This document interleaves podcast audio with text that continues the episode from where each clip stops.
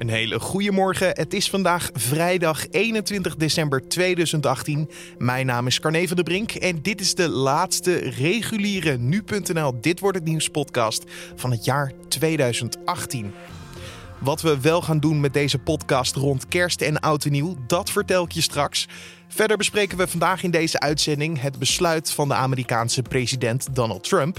Hij heeft besloten dat alle Amerikaanse militairen uit Syrië worden teruggehaald, omdat IS verslagen zou zijn. Dus ik zou zeggen dat het eigenlijk zoals zijn voorganger George W. Bush, om nu meteen een mission accomplished te gaan roepen, dat, uh, daar zijn de meeste mensen het niet mee eens. En gisteren werd in een kolkende Ziggo Dome bekendgemaakt wie de winnaar is van Expeditie Robinson 2018. Nu.nl sprak met de winnaar en de verliezers. Maar nu eerst kijken we naar het belangrijkste nieuws van nu. Oud-generaal Jim Mattis vertrekt eind februari als minister van Defensie. Dat maakte de Amerikaanse president Donald Trump donderdagavond bekend via Twitter. Het aftreden komt een dag nadat Mattis zich kritisch uitliet over het besluit om alle Amerikaanse militairen terug te trekken uit Syrië. Hij was het niet eens met het besluit omdat hij bang was dat Syrië dan in handen zou komen van Rusland en Iran. Over het besluit van Donald Trump praten we straks verder met een Midden-Oosten-deskundige. Bij een explosie in een kolenmijn in het oosten van Tsjechië zijn zeker vijf mensen om het leven gekomen. Naast de gewonden en doden zijn er tevens nog acht mijnwerkers vermist. Al dus een woordvoerder van de exploitatiemaatschappij OKD donderdagavond. De meeste slachtoffers zijn volgens hem De explosie wordt toegeschreven aan het vlamvatten van methaan. Dat is een zeer brandbaar gas. Door de ontploffing zijn verschillende gebieden in de ondergrondse mijn niet toegankelijk en is het zicht zeer slecht in het gangenstelsel. Voetbalclub Feyenoord heeft donderdagavond als laatste club de kwartfinales van de Toto KNVB-beker bereikt. De Rotterdammers waren in de Kuip te sterk voor FC Utrecht. De eindstand werd 1-0. Eerder deze week voegden Willem II, FC Twente, AZ, SC Heerenveen, Fortuna Sittard, Vitesse en Ajax zich al bij de laatste acht. De loting voor de kwartfinale staat zaterdagavond op het programma. Vanaf maart 2019 moeten rijexamenkandidaten op hun examen laten zien dat ze kunnen rijden met een navigatiesysteem. Het wordt een verplicht onderdeel van de praktijktest, zo schrijft de Telegraaf vandaag. Het rijexamen wordt ook op andere onderdelen aangescherpt. Zo moeten examinatoren preciezer zijn bij het geven van een opdracht voor bijzondere verrichtingen. En dan kijken we naar de dag van vandaag, oftewel dit wordt het nieuws. Het was een turbulente week omtrent de Amerikaanse president Donald Trump. Deze week maakte hij namelijk bekend dat hij alle Amerikaanse militairen uit Syrië gaat halen, omdat Islamitische Staat verslagen zou zijn. Maar is dat wel zo? En hoe kijken andere landen naar dit besluit? Hierover praten we met Hans Wurser, Midden-Oosten-deskundige van het instituut Klingendaal. IS is uh, nog niet verslagen, uh, ondanks dat er inderdaad allemaal aangekondigd wordt er wordt nog steeds veel, uh, in verschillende bronnen worden zelfs ook aantallen genoemd van zeker 20.000 tot 30.000 strijders. Um, hoe je IS moet zien is eigenlijk, ja, het was eerst een staat natuurlijk en nu zijn ze eigenlijk weer terug gedevolueerd uh, uh, naar in principe losse groepen strijders uh, die gewoon gaan zijn in de bevolking. Maar er zijn nog steeds financiële middelen die ze hebben. Ze zijn nog steeds actief, uh, met name in de tribale gebieden, hè, waar, uh, op de grens tussen Syrië en Irak. Uh, ze laten ook af en toe nog steeds gecoördineerde aanvallen zien. Dus ik zou zeggen dat het een, eigenlijk zoals zijn voorganger George W. Bush, om nu meteen een mission accomplished te gaan roepen, dat, daar zijn de meeste mensen het niet mee eens. Is dit dan een soort van onderschatting? Um, nou ja, het is een beetje wat vaker we zien vanuit het Witte Huis. Hè. Het Witte Huis zegt het ene, uh, ministerie van Defensie uh, stond er totaal anders in, ministerie van Buitenlandse Zaken dan ook. je ziet dat er, door, er niet echt duidelijkheid is van, ja, wat is nu het beleid? Hè? Wat is nu het plan?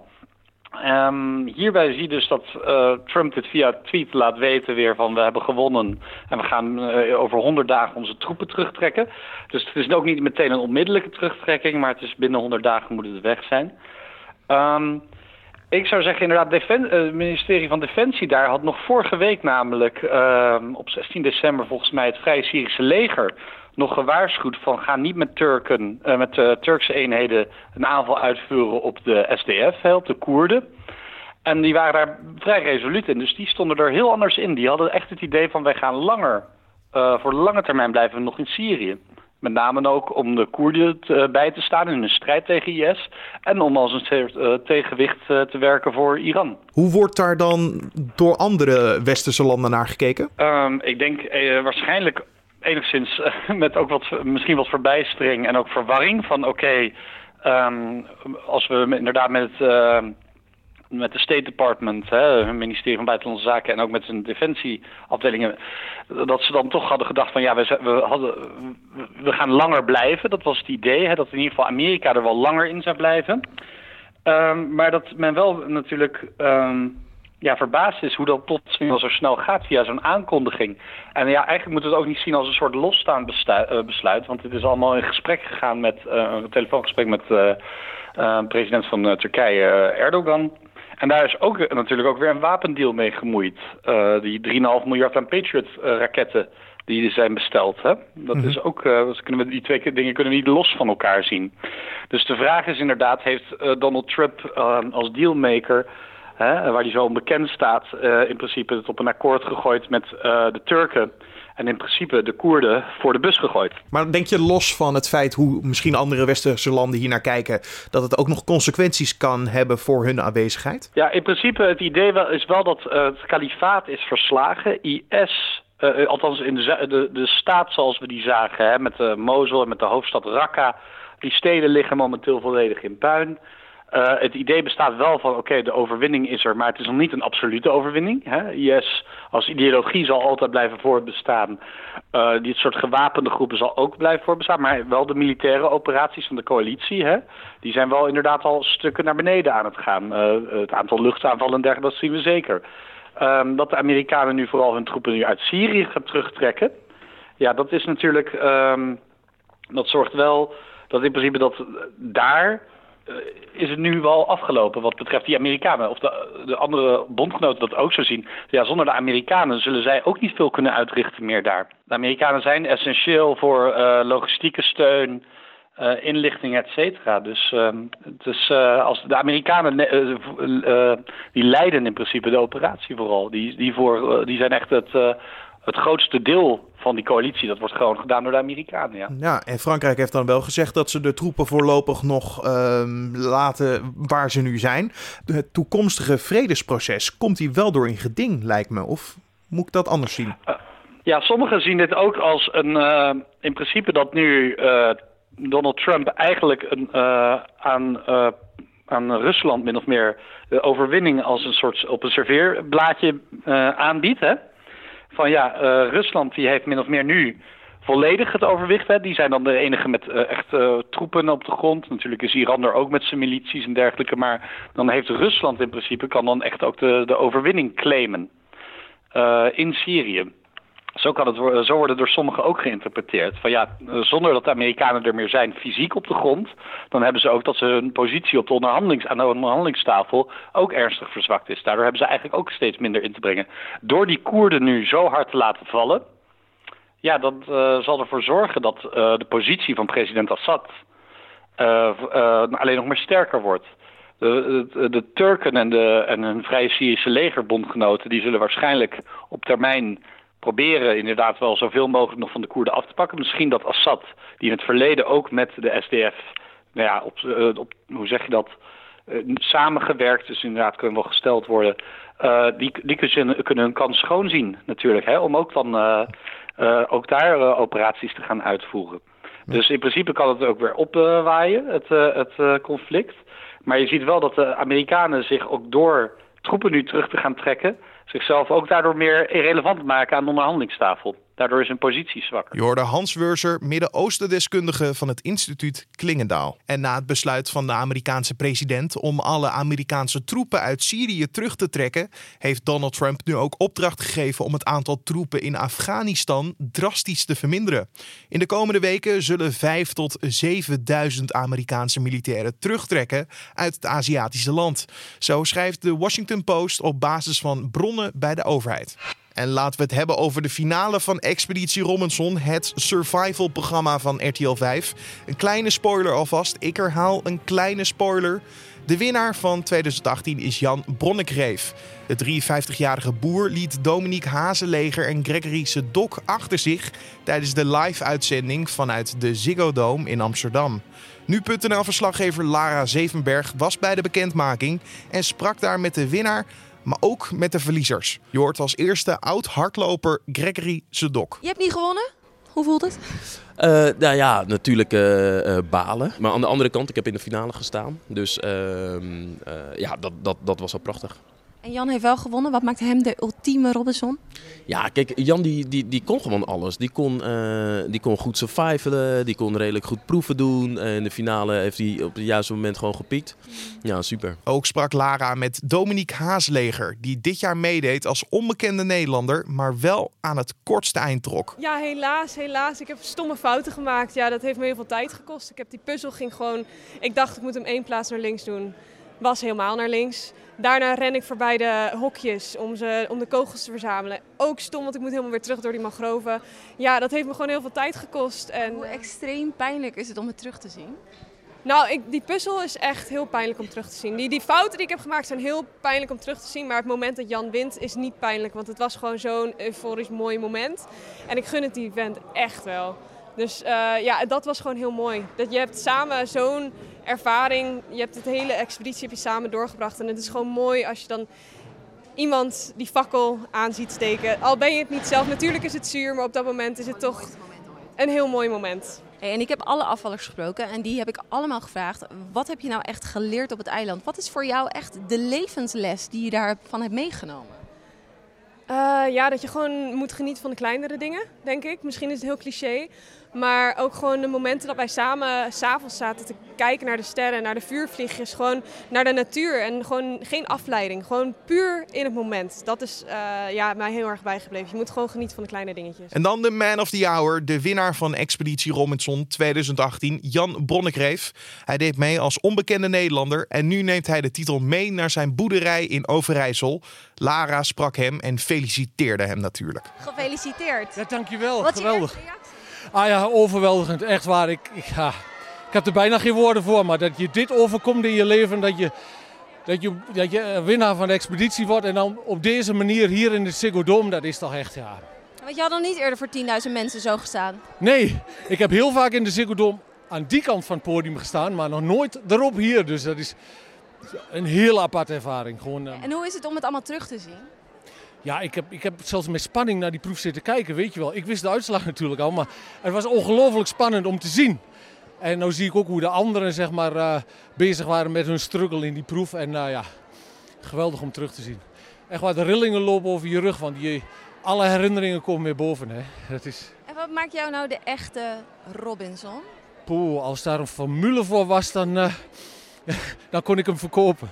Maar ik heb, ja, ik, ik voel me daar denk ik helemaal thuis in de natuur. En um, het overleven, het survivalen was wel mijn ding. Um, ja, de proeven heb ik verschillend gepresteerd, dat hebben jullie wel gezien. Gepiekt misschien op het juiste moment, maar een portie geluk ben je natuurlijk ook nodig. En ik ben gewoon mezelf gebleven. Ik denk dat het is misschien cliché, maar uh, ik denk dat dat me heel ver heeft gebracht. Dat ik gewoon mijn eigen ik ben gebleven, geen rolletje heb gespeeld. En dat brengt je, denk ik, wel, kan je denk wel ver brengen in de expeditie. Ik heb alle afvallers gesproken en die vertelden mij steeds wat de grootste levensles is die zij hebben ge ge ge geleerd ja. tijdens Expeditie Robinson. Wat is dat voor jou? Um, ik, uh, ik heb daar vernomen dat je als mens toch wel met heel weinig uh, middelen toe kan om ook echt gelukkig te zijn. En toen we daarna ook uh, nog een dag um, in, in het resort verbleven en het dorpje daarin kwamen, daar, daar spraat je met de, met de, met de Filipijners. Um, je, je komt daar wat in die cultuur terecht en zo. En dan merk je ook, ja, die mensen hebben niet veel daar. Maar ze zijn eigenlijk heel tevreden. En ik denk bij mezelf wel eens, in Nederland maken we ons vaak druk om kleine dingetjes of om meer, meer, meer, meer. En ik ben er een stuk relaxter van geworden, denk ik. Ja, dat, um, dat geeft wel een, um, een, een rustiger gevoel.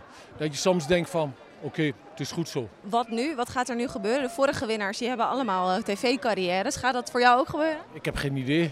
ik heb echt Zou je het willen? Uh, nou, kijk, beroemd worden is, is voor mij geen, geen doel op zich. Ik bedoel, het is nou leuk.